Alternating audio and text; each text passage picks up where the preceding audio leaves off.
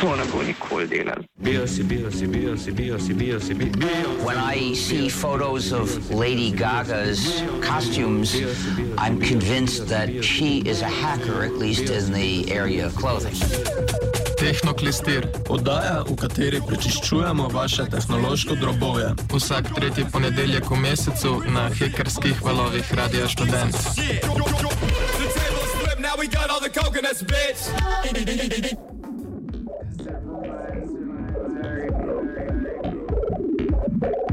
sense, sense.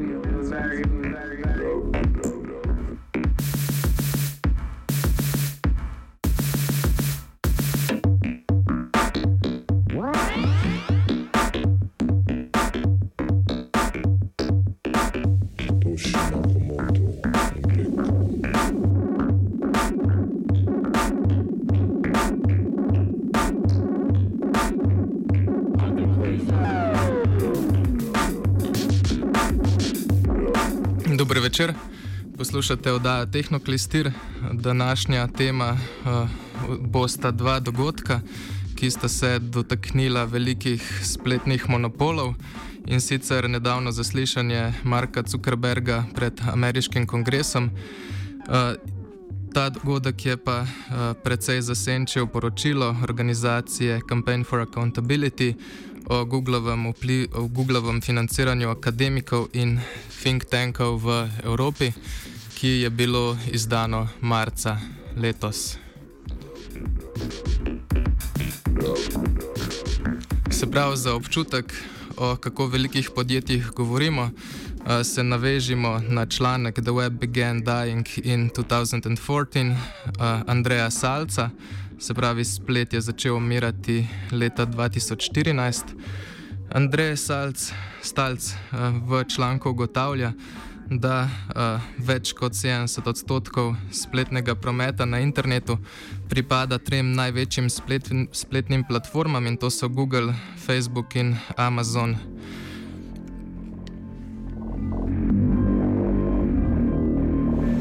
Se pravi, Andrej Stalc v članku spletu napove uh, dokaj temno prihodnost, ravno zaradi te centralizacije. Uh, se pravi, ko govorimo o Googlu, ne govorimo samo o Googlu, ampak še o YouTubu, Google Cloudu, Google Marketu, prav tako Facebook, ni samo Facebook, ampak še WhatsApp, Instagram in Facebook Messenger in Amazon uh, kot ena izmed, uh, kot glavna e-commerce, e-trgovina.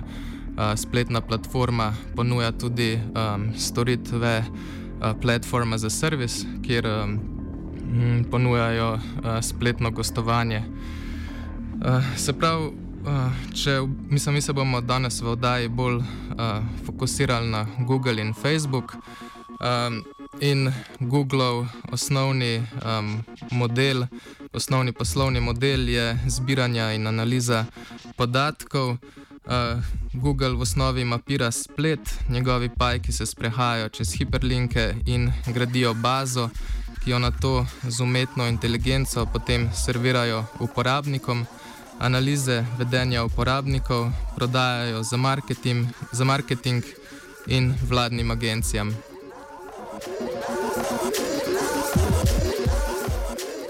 Facebook na drugi strani ne potrebuje uh, pajkov za mapiranje spleta.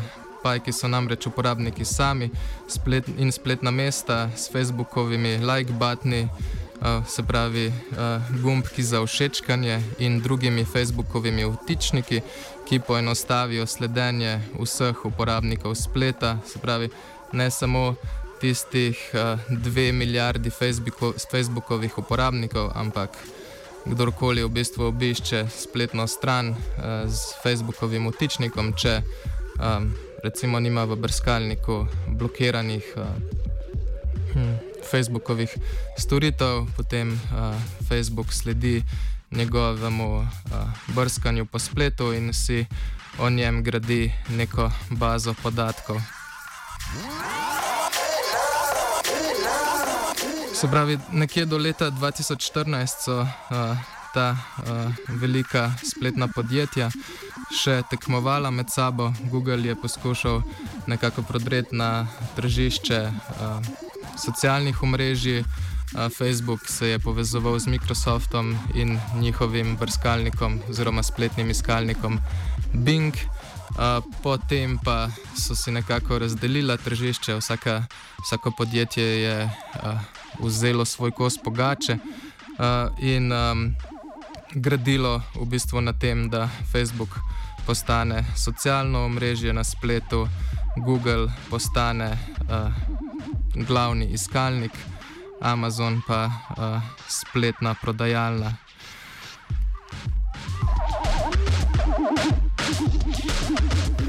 Se pravi, zdaj pa um, nazaj uh, k preomenjenemu zaslišanju Marka Zuckerberga uh, pred ameriškim kongresom, ki nakazuje, uh, kako hitro so ta podjetja rasla.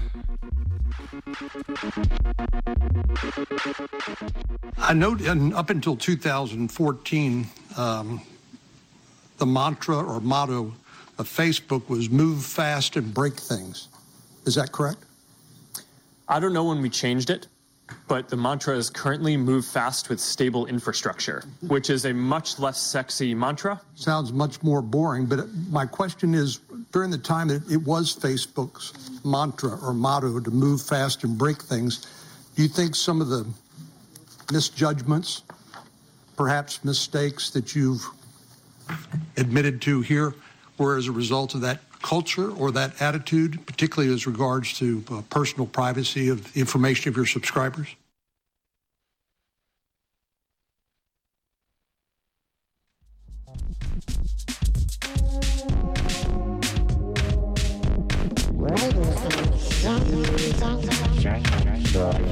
Se pravi, povod za zaslišanje uh, Marka Zuckerberga, direktorja Facebooka, je bil škandal Cambridge Analytica. Uh, najbrž vsi dobro poznate, zakaj se gre, samo na kratko, da povzamem. Uh, podjetje Cambridge Analytica je sodelovalo pri političnih, političnih kampanjah, ko, m, lahko bi rekel, konzervativnega dela političnega spektra se pravi pri Brexitu in predsedniških volitvah v ZDA. Uh, najprej so v bistvu preko Facebookovih aplikacij narodarili ogromne količine uh, podatkov o vedenju posameznikov na spletu, se pravi nekako okrog 78 milijonov uh, uporabnikov so zajeli v uh, tej njihovi. Uh, v tem njihovem uh, zajemanju podatkov. Um, potem pa so v bistvu analizirali te podatke, zgradili sistem profilov uporabnikov in določili, na kakšen način servirati informacije določenemu profilu, da bo ta oddal svoj glas za določeno politično opcijo.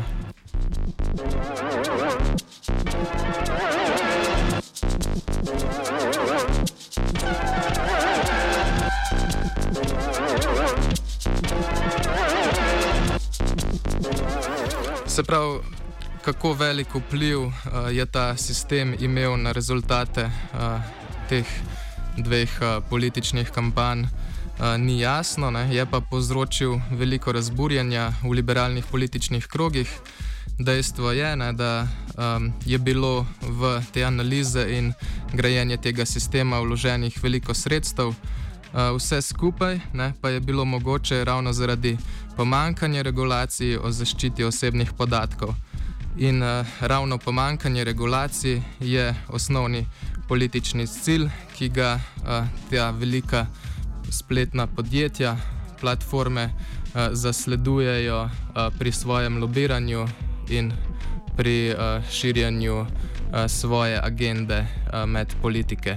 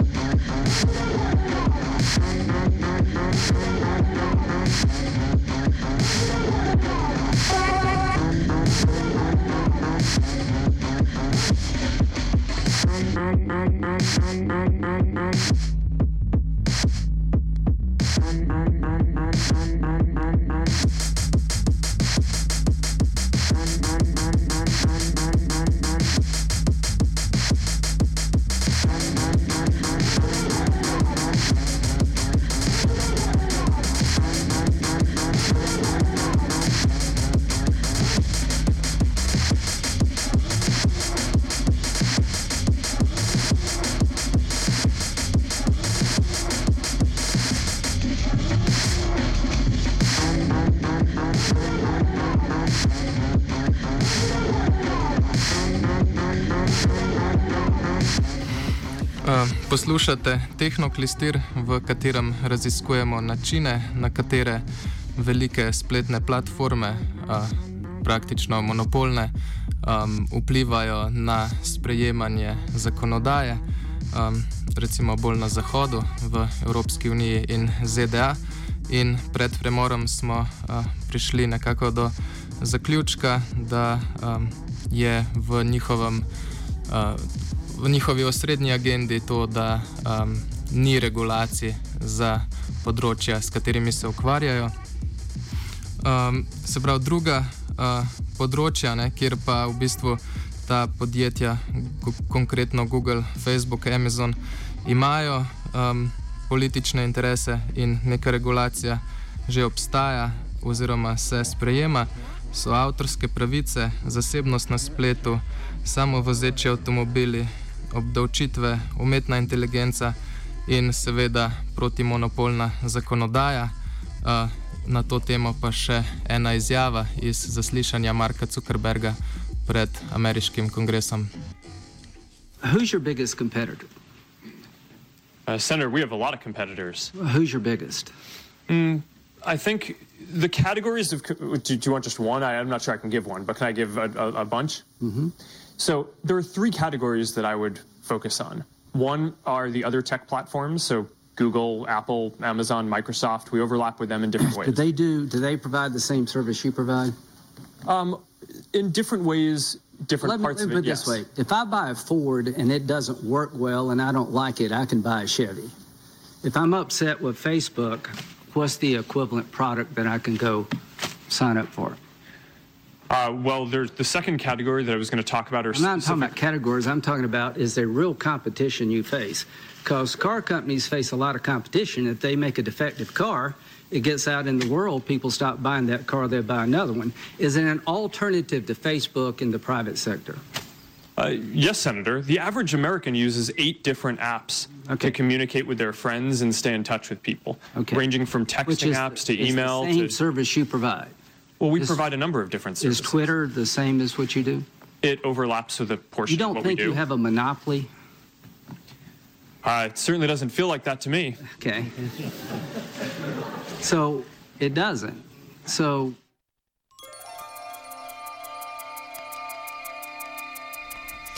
Ostajamo v Washingtonu, kjer se je po porazu pobude, da bi zaradi monopola na področju iskalnikov razkosali Google na več manjših podjetij, ustanovila organizacija Campaign for Accountability, ki raziskuje, kako velika podjetja dosežejo, da se njihovi interesi prelijajo v zakonodajo ali pa se za njih škodljivi predlogi umaknejo.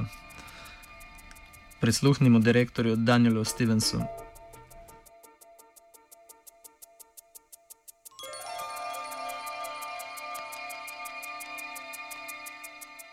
Campaign for Accountability was set up in 2015 uh, to look into companies and politicians who are, do not have the public's interest in mind. Uh, so we were looking into corrupt public officials. We're looking into industries and companies that seek to use their powerful positions to get what they want from government. Um, so in 2015 and 2016, we were looking around and wondering what to focus on.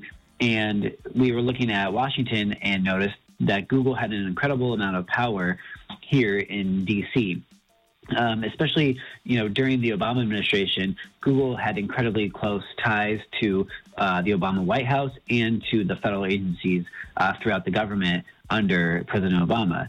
Um, and looking at Google's influence in DC sort of led us to start looking into the company more broadly and look at how they use their power and influence to get what they want from government, uh, both in the U.S. and in Europe. And so that sort of looking at how powerful they were in their efforts to get what they want from government is what sparked our interest. But then we sort of really dug into just uh, you know how exactly they get what they want. Zakaj pa so pod drobno gled vzeli prav Google, pa nadaljuje Stevens? Google is a huge corporation that has just a, a lot of different um, policy issues with uh, governments, right? Um, they they have all kinds of issues. So uh, during the Obama administration, they um, you know got a diff- lot of different things. The biggest thing was that the Federal Trade Commission here in the U.S. was interested in um, investigating Google's. Um, for antitrust uh, for being too big, and um, eventually that investigation went away. Uh, that sort of uh, never came to be that was sort of Google's biggest sort of victory from government. Um, there were a number of other smaller uh, issues as well. Uh, Google worked really closely with the Department of Transportation as it was getting re- ready to um, launch regulations about self-driving cars. Um, Google worked really closely with um, the State Department on a number of sort of um, issues around social media uh, in in uh, the Arab Spring um, and how it was used then. Um, they worked closely with uh, the Obama administration at an international tele, uh, telecommunications uh, conference. Um, so, so yeah, there are a number of different areas where they're sort of working closely with government, and essentially at this point they've just been successful in, in basically keeping government away, allowing them to do what they want, um, and that's generally sort of been their approach so far. Če pa bi primerjali, kako je Google posegal eh, v svojem akademskem vplivu in pa političnem, eh, torej kako je vplival na Združene države Amerike ali pa kako v Evropski uniji, spoznamo, da je v Evropski uniji naredil en korak več. Medtem ko so v Združenih državah Amerike financirali zgolj posamezne profesorje, so v Evropski uniji ustanavljali partnerstva z akademskimi inštituti, think tanke in pa razne konferen eh, konference, na ta način pa razpršili in prikrili vire financiranja. Nadaljuje Stevens. So in the United States, uh, what we found is that Google funded a number of academics directly. So there were just a lot of professors and researchers all across the country at different academic institutions and Google would provide funding for certain papers, or they would give them faculty research awards, which would allow them to research whatever they wanted. But essentially, what they did was they funded particular individuals, you know, this professor, that professor. What we found in Europe, though, is that Google uh, essentially set up entire academic institutes uh, with its funding and then brought in researchers uh, to conduct the research. And it was almost entirely paid for by Google in its initial stages. Um, the the biggest example here is in Germany, the Humboldt University in Berlin. Um, Google set up an institute there that was almost completely funded by Google, um, and that that institute then um, started publishing an academic journal, which um, the papers in that ac- academic journal often supported Google's policy positions. Um, and so Google also did something similar in London, and then they provided a lot of support for a Brussels-based think tank as well. Um, and so, what's yeah, what's a lot more interesting is that they they put a lot more money concentrated into a few institutions. In the U.S., it was distributed um, to a lot of different academics throughout the country.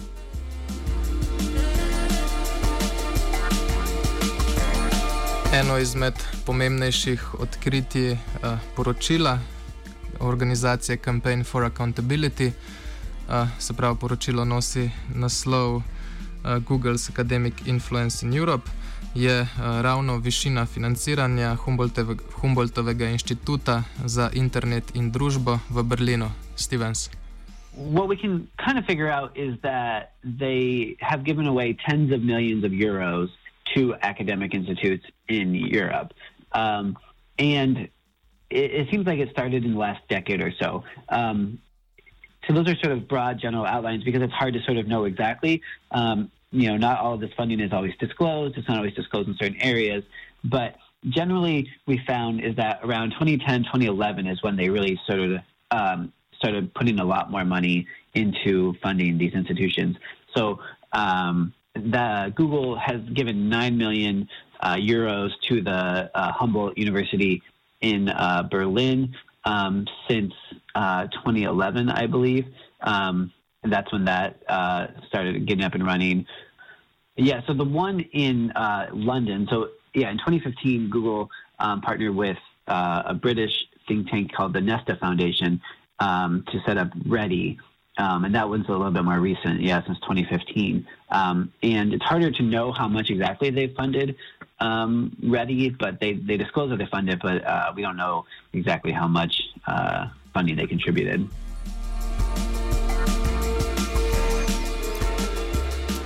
Natančnejši pregled eh, vseh različnih inštitutov, ki so jih pofinancirali, torej kako so razpršili svoj vpliv, bomo pogledali kasneje.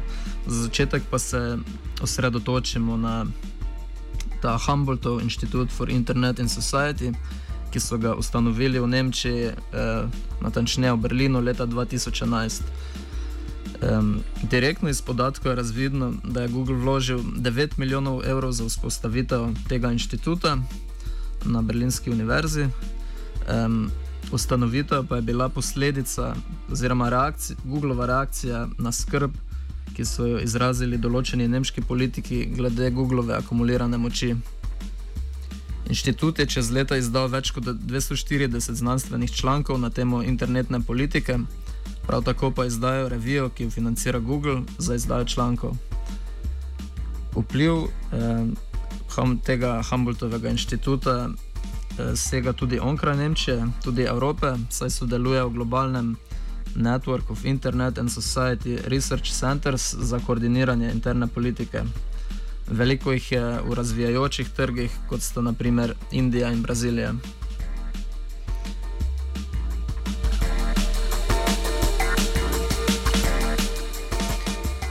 Google vseeno ustraja, da eh, Humboldtov inštitut ni Google inštitut, ampak pravi, da je neodvisni akademski organ, na katerega se, oziroma v raziskovanje katerega se Google sam ne bo upletal. Šest let po ustanovitvi Google vseeno predstavlja skoraj tri četrtine celotnega financiranja delovanja inštituta. Um, ko pa zagovarja to neko neutralnost oziroma neposeganje, pa se sklicujejo na institucijsko separacijo. Pravijo namreč, da so postavili dve podjetji, eno za financiranje, ter drugo za samo raziskovanje.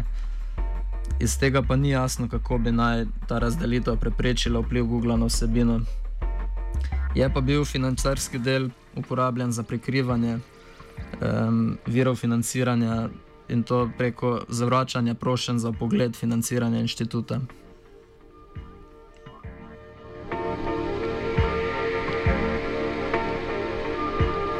Mogoče samo še za primerjavo, ne, lahko dodamo, da, neka, uh, da se povprečne plače, oziroma nekakšne maksimalne plače no, uh, akademskih profesorjev v Nemčiji gibljajo tam okrog 75 tisoč evrov, tako da uh, ta uh, višina 9 milijonov evrov potem znese za okrog 120 uh, takšnih letnih plač. Tako da v bistvu um, zdaj, če je bilo financiranje zgolj 9 milijonov evrov, če jim ni uspel uh, prikriti drugih, um, drugih finančnih prilivov, ne, potem so nekako pofinancirali za 120 let, oziroma um, ja, um, 120 let uh, profesorskih plač. A 120, ne, ja, tako je. Ok. Zdaj pa uh, krajši premor.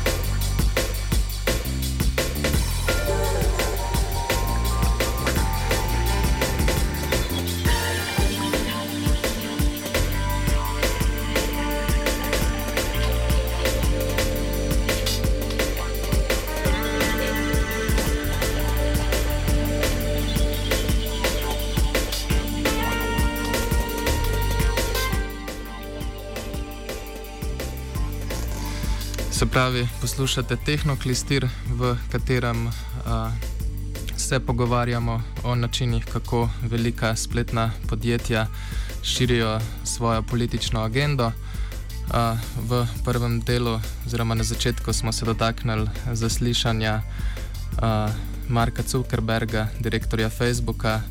Um, recimo skozi zaslišanje je bilo um, precej jasno strani politikov izraženo, da oni ne želijo preveč, um, preveč regulirati uh, teh uh, visokotehnoloških podjetij, ker bi s tem lahko zadušili investicije.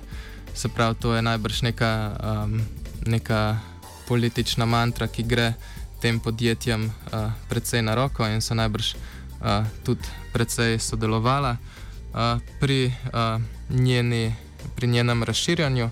Uh, zdaj pa um, naprej na um, poročilo organizacije Campaign for Accountability. Uh, direktor te organizacije Daniel Stevens opiše postopek, uh, kako Google uh, širi svojo politično agendo v Evropski uniji uh, preko financiranja uh, raznih uh, akademskih institucij in pa uh, drugih političnih think tankov. You know, one of the things we notice is that how um, how sort of in a way this is easy this is for Google to get all these papers out there, but then the papers don't disclose Google's um, uh, work in all of this. So Google funds the institute. The institute publishes a journal. The journal publishes papers that support Google's positions. And when uh, policymakers read those papers, they don't have any idea that Google funded the the whole operation. Um, and so trying to shed, shine a light on that and more re- I think there needs to be more disclosure uh, for these kinds of things so that um, you know people know how that process is working and who's trying to influence them.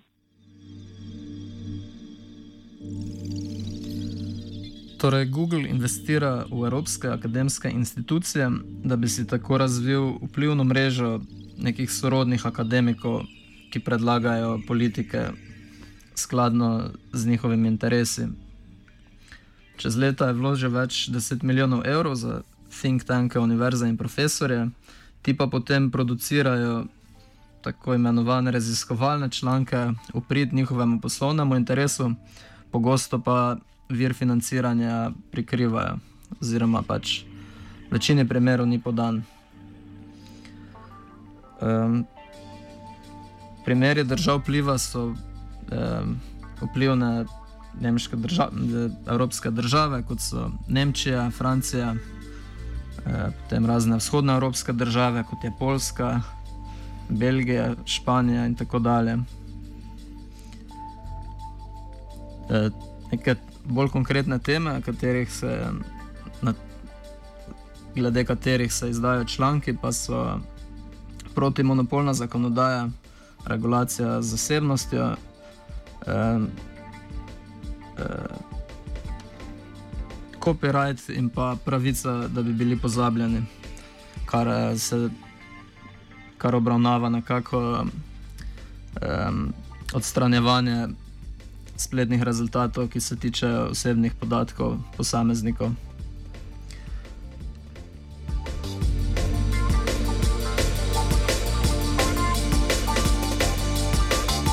Se pravi, ravno sprejetje te pravice, da bi bili pozabljeni v EU, je bila nekakšna streznitev za Google. Google je takrat v bistvu se močno boril proti temu, da se a, to ne bi sprejelo, v Evropski uniji pa je bil na koncu a, poražen. Se pravi, um, zdaj pa nekako um, to, da si Google razširi svojo mrežo a, političnega vpliva, ne, um, se pravi, da vrže nekako široko mrežo, s katero proba um, potem uloviti uh, čim uh, več uh, uh, politikov, ne, ki bi prebrali njihove članke. Um, se pravi, oz, oziroma pač Daniel Stevens, ne, direktor uh, Campaign for Accountability, uh, pojasni, da je to ena izmed njihovih strategij. One of Google's strategies is to fund a number of papers and a number of journals, and so they can build a body of work that indicates one policy position or another. You know, they can fund a lot of academics who write that uh, about copyright or about um, the right to be forgotten or these things which you know affect the company. So they might not they might not be able to point to one paper, but they can say they can affect how you know policymakers think about something by the number of papers they generate, things like that. Um, yeah, so it, it, it's it's uh, it's a problem that you know we want to keep an eye on.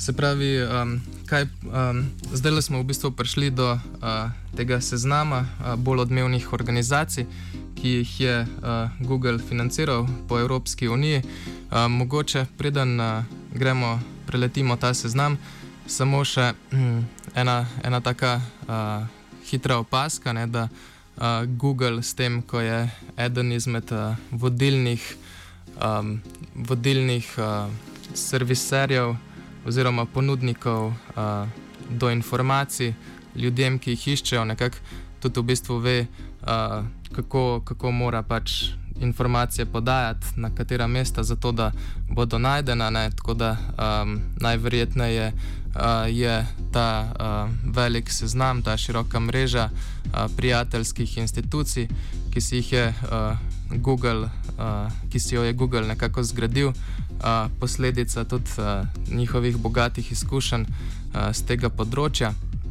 Um, se pravi, uh, začenjali bomo, začeli bomo v Franciji. Ne.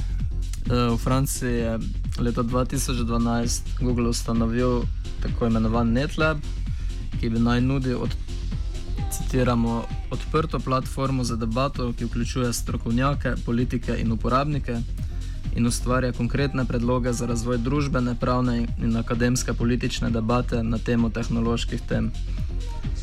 Pač težav ali pa ne, problematik, recimo. Glavni fokus eh, pa je organizacija sodelovanja med civilno družbo, akademiki in privatnim sektorjem, da bi prispevali k javni debati sedanjega in prihodnjega interneta.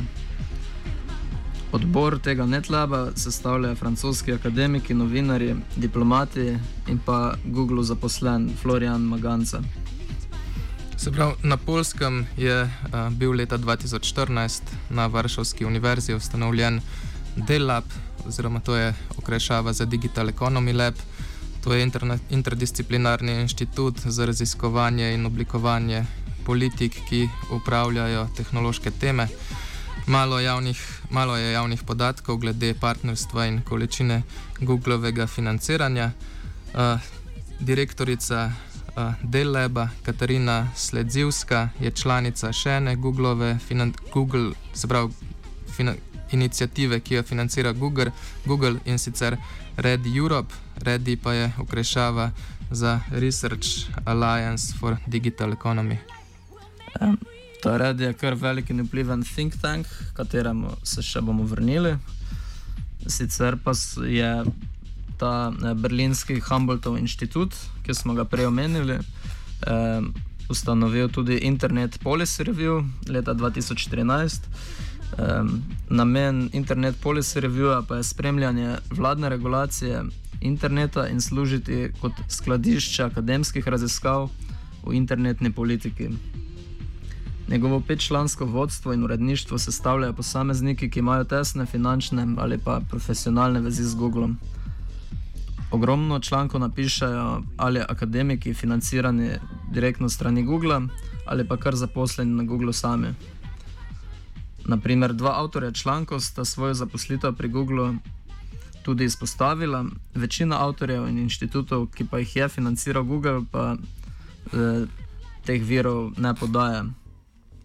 Internet Policy Review članki tudi ne razkrivajo dejstva, da je njena matična institucija skoraj popolnoma financirana z Google.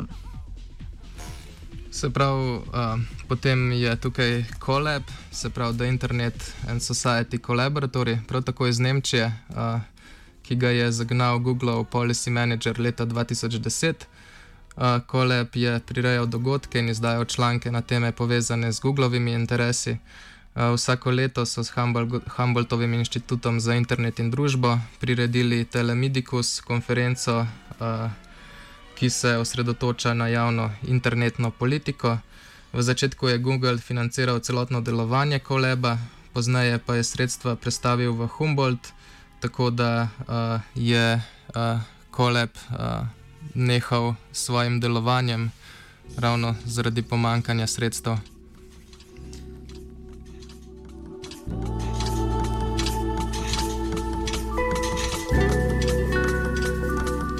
Je pa Google po prenehanju delovanja Koleba leta 2012 eh, ustvaril tako imenovani Google Chair eh, v, v Franciji. Eh, gre pa za akademsko partnerstvo z HEC šolo v Parizu, ki je ena najprestižnejših poslovnih šol na svetu. V sklopu tega Google Chaira so organizirali delavnice, startup vikende in pa Google Creativity govore. Višino sredstva financiranja ni podana.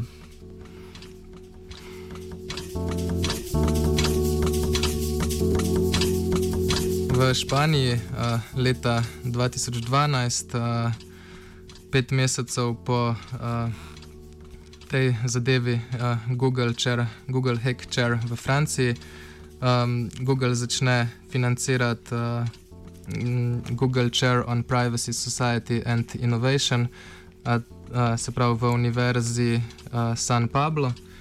Uh, vsako leto po ustanovitvi uh, ta organizacija uh, organizira mednarodno konferenco za pravne akademike in politike na temo uh, interne, regulacije interneta.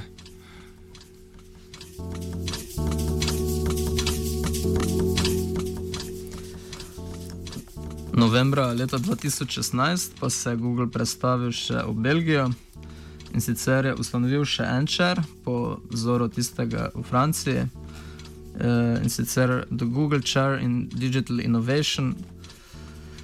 Um, uh, ustanovljen pa bil v College of Europe v Belgiji. Rektor Jorg Monar in Googlova bruselska lobistka, lobistka Lee Junius sta se dogovorila za vzpostavitev novega predmeta, imenovanega Politike za digitalno inovacijo na fakultetnem oddelku za evropske ekonomske študije Podobno kot na San Pablo inštitutu v Španiji, so ustanovili letno digitalno konferenco na temo digitalne inovacije, ki poteka v kampusu v Bružu. Prva poteka aprila letos, teme pa vključujejo podatkovno vodeno ekonomiko, umetno inteligenco in evropske politike za digitalno inovacijo. Ta College of Europe je sicer znan kot training ground, torej kot neka dresura za bodoče birokrate Evropske unije. Med njihovimi alumni najdemo tudi danskega predsednika vlade, oziroma mislim, predsednico vlade, pardon, Hel Thorning Schmidt, finskega predsednika vlade Aleksandra Stuba in eh, britanskega namestnega predsednika vlade Nika Klega. Glavnino financiranja fakultete sicer predstavljajo sredstva Evropske unije, kar Google daje priložnost, da, da vpliva na stališča bodočih evropskih politikov in regulatorjev v zgodni fazi njihove kariere.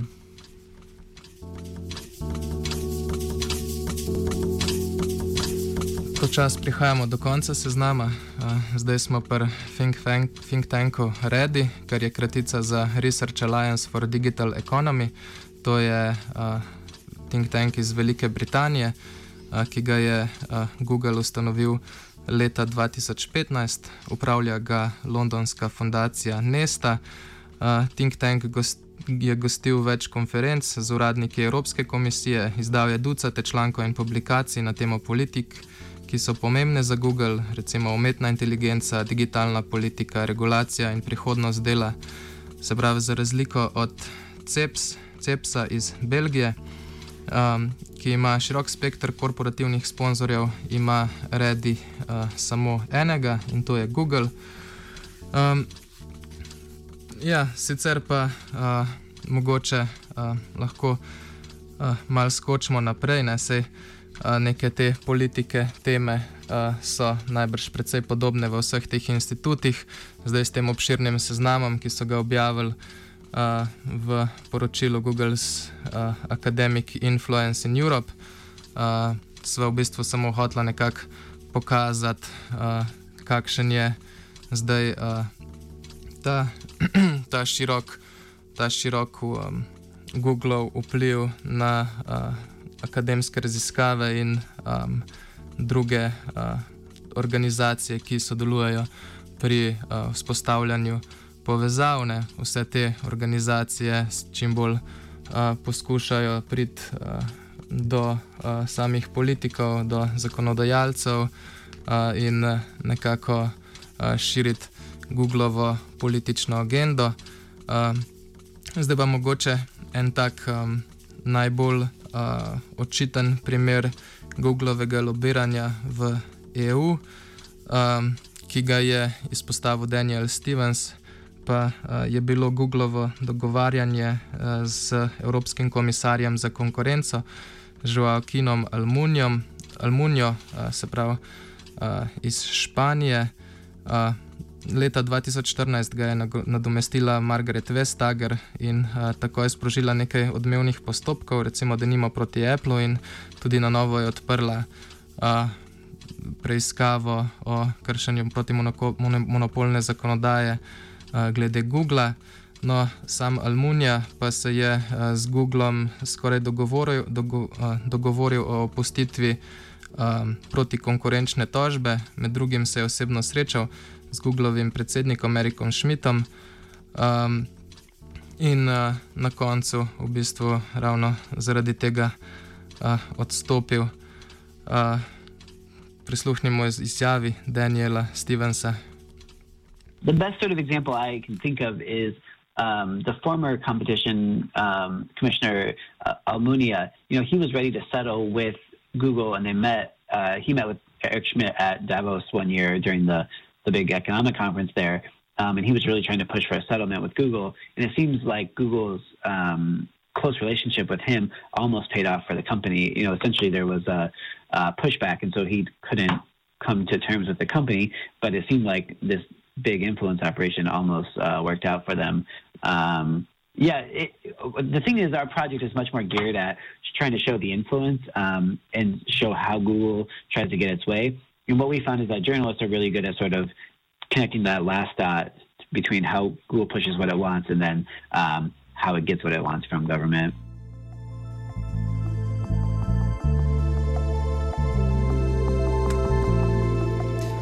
Google se je pridružil um, temu think tanku CEPS-u iz Bruslja leta 2014, um, prav ob koncu petletnega mandata Evropskega komisarja za konkurenco. Uh, uh, Joaquina Al Almunia. CEPS je kratica za Center for European Policy Studies, um, sicer pa uh, ima več drugih tudi korporativnih sponzorjev. Poleg Google najdemo Microsoft, eh, Deloitte, eh, to je ena firma za davčno svetovanje. Računovodska, zelo velika Aha, evropska ja, firma. Ja. Konglomerat in pa direktno ga financira tudi Evropska komisija. CEPS je gostoval naprimer z Google sponzoriran dogodek na temo regulacije leta, že leta 2007, imenovan Online Privacy, Reconsidering Policy Positions for the Digital Age. Sicer pa je po Googlovi donaciji leta 2014 začel izdajati vrsto člankov, ki so ostro kritizirali um, tožbo oziroma eh, neke odpiranje nekih debat oziroma sankcioniranje eh, Google strani evropske politike na temo eh, proti monopola. Oziroma. Se pravi nekaj podobnega, kot se je že predtem dogajalo v Združenih državah Amerike, pa je Google uspel uh, to uh, uspešno odbiti. Drugače, um, Andreja Renda, ki je bil prvi koristnik Googlovega čera v Bruseljskem College of Europe, um, je odprl okroglo mizo, imenovano Will Internet Monopolies Rule Our Economy in the 21st Century, z retoričnim vprašanjem, kateri internetni monopoli. Zanikal je namreč koreninjenje internetnih gigantov, rekoč, da je internet vedno bil v konstantnih ciklih zmagovalcev in poražencev in pa da so današnji zmagovalci jutrišnji poraženci. Podarjal je, da se evropska protimonopolna politika preveč osredotoča na tržno moč in svaril, da z upiranjem napredku tehnoloških podjetij Evropa tvega ponižanja konkurenčnosti po celi črti.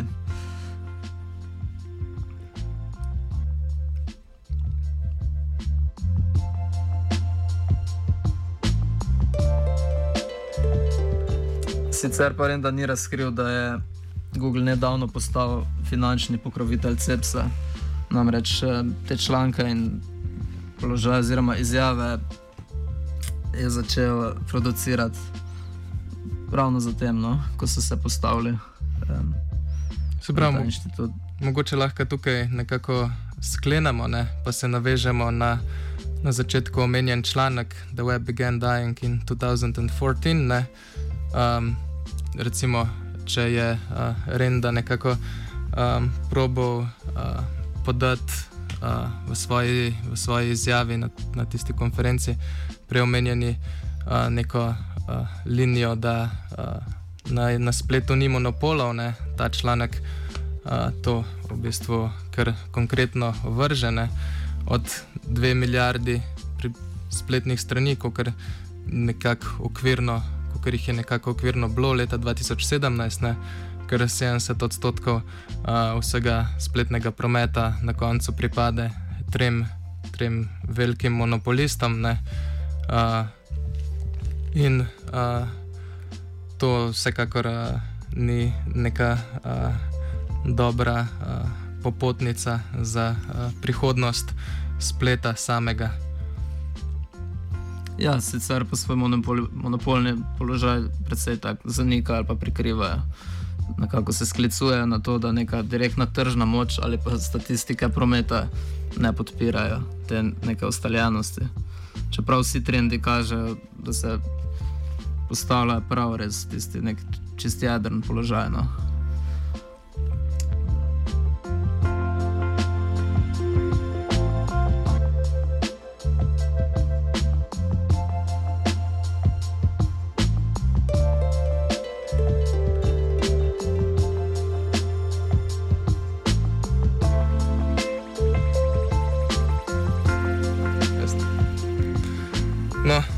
Tukaj bomo današnji tehnoklistir zaključili. Uh, hvala za pozornost. In pa uh, zdaj se začenjajo najboljše ure za kaj pohekati, tako da uh, zažente svoje Linux mašine. uh, ja, uh, lahko noč, z vami sva bila Leo in Gizmo, pa uh, Brada z vajencem Kramarjem. Uh, tako da je ja. zdrav.